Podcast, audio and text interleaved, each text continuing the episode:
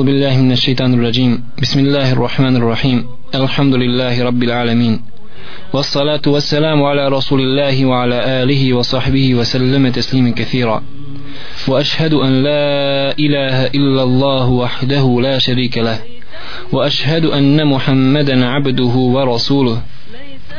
أما بعد فإن أصدق الحديث كتاب الله وخير الهدي هدي محمد صلى الله عليه وسلم. وشر الأمور محدثاتها وكل محدثة بدعة وكل بدعة ضلالة أما بعد Poštovani slušalci, assalamu alaikum wa rahmatullahi wa barakatuh. Spomenuo je pisac knjige o tevhidu da mu se Allah subhanahu wa ta'ala smiluje Babun la yus'alu bi vajhi Allahi illa al janna Poglavlje koje govori o tome da se ne traži licem Allaha subhanahu wa ta'ala ništa drugo osim dženneta. Pa je spomenuo hadith Allahovog poslanika sallallahu alaihi wa sallam koga bilježi Ebu Dawud rahmetullahi alaihi u svome sunanu od Džabira radijallahu ta'ala anhu koji kaže rekao je Allahu poslanik sallallahu alaihi wasallam la yus'alu bi vajhi Allahi illa al janna ne moli se licem Allaha subhanahu wa ta'ala ništa drugo osim džennet. Da bismo razumjeli značenje ovog haditha Allahu poslanika sallallahu alaihi wa sallam neophodno je pojasniti draga braćo i sestre da u ovom hadithu imamo usrđivanje svojstva Allaha subhanahu wa ta'ala. Svojstvo sifet atribut a to je lice Allaha jalla še'nu koje nije ničemu slično jer Allah subhanahu wa ta'ala je opisao sebe u Kur'anu sa mnogim svojstvima sa mnogim osobinama ali ahli sunna wal jamaa postavlja jedno generalno pravilo leji se kemitlihi šeji da on Allah subhanahu wa ta'ala ničemu nije sličan.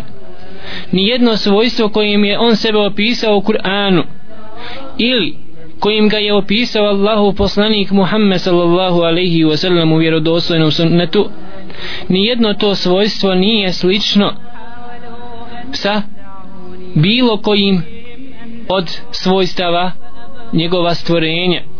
Međutim pravac i put kojim ide ehli sunna wal džemaa po pitanju Allahovih imena i svojstava da oni ustvrđuju i potvrđuju i pripisuju svojstva kojim se Allah subhanahu wa ta'ala opisao u Kur'anu ili ga je opisao Allahu poslanik Muhammed sallallahu alaihi wa sallam u vjerodostojnom sunnetu bez da ta njegova svojstva upoređuju sa svojstvima stvorenja zato u ovom hadisu imamo usrđivanje lica Allaha subhanahu wa ta'ala. O ovome Allah subhanahu wa ta'ala govori i u Kur'anu. Kažem o ovome svojstvu Allah subhanahu wa ta'ala govori i u Kur'anu. Kada kaže kullu še'in halikun illa wajha.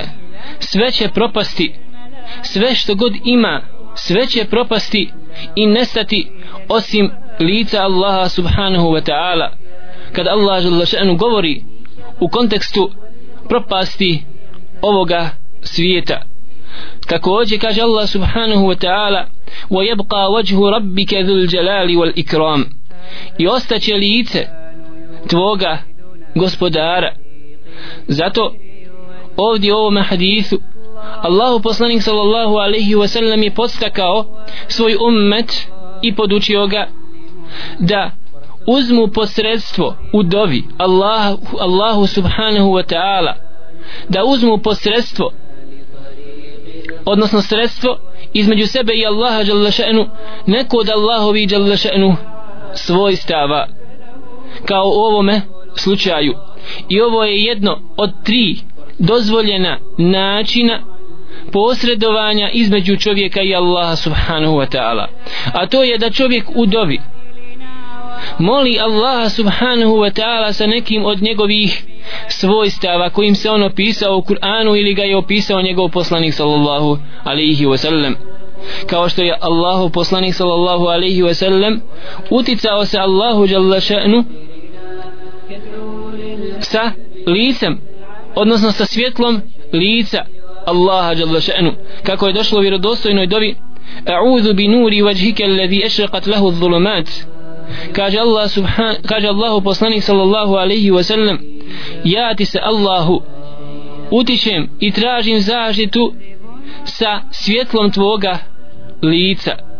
Na ovakav način vidimo da je dozvoljeno da čovjek moli Allaha subhanahu wa ta'ala sa njegovim svojstvima sa njegovim imenima ali kada je u pitanju ovaj hadis vidimo da čovjek kada bude molio Allaha subhanahu wa ta'ala sa ovako uzvišenim svojstvom u dobi kada bude molio Allaha jalla ša'nu sa njegovim licem da kaže molim te tvojim licem da ne moli ništa, ništa drugo osim džanneta da ne traži od Allaha subhanahu wa ta'ala ništa drugo osim džennet ili da traži neko dijelo koje će ga odvesti ka džennetu. Kao da želi Allahu poslanik Muhammed sallallahu alaihi wa sallam da ti pojasni o Allahu robe da ne možeš tražiti nešto od dunjalu kako je tako ponižen koji je tako bezvrijedan i prezren da nemoj da ne možeš tražiti sa ovako uzvišenim svojstvom Allaha subhanahu wa ta'ala nešto od dunjaluka nego traži sa ovako velikim svojstvom Allaha subhanahu wa ta'ala traži nešto što je veliko a to je vječni život vječna sreća u džennetu.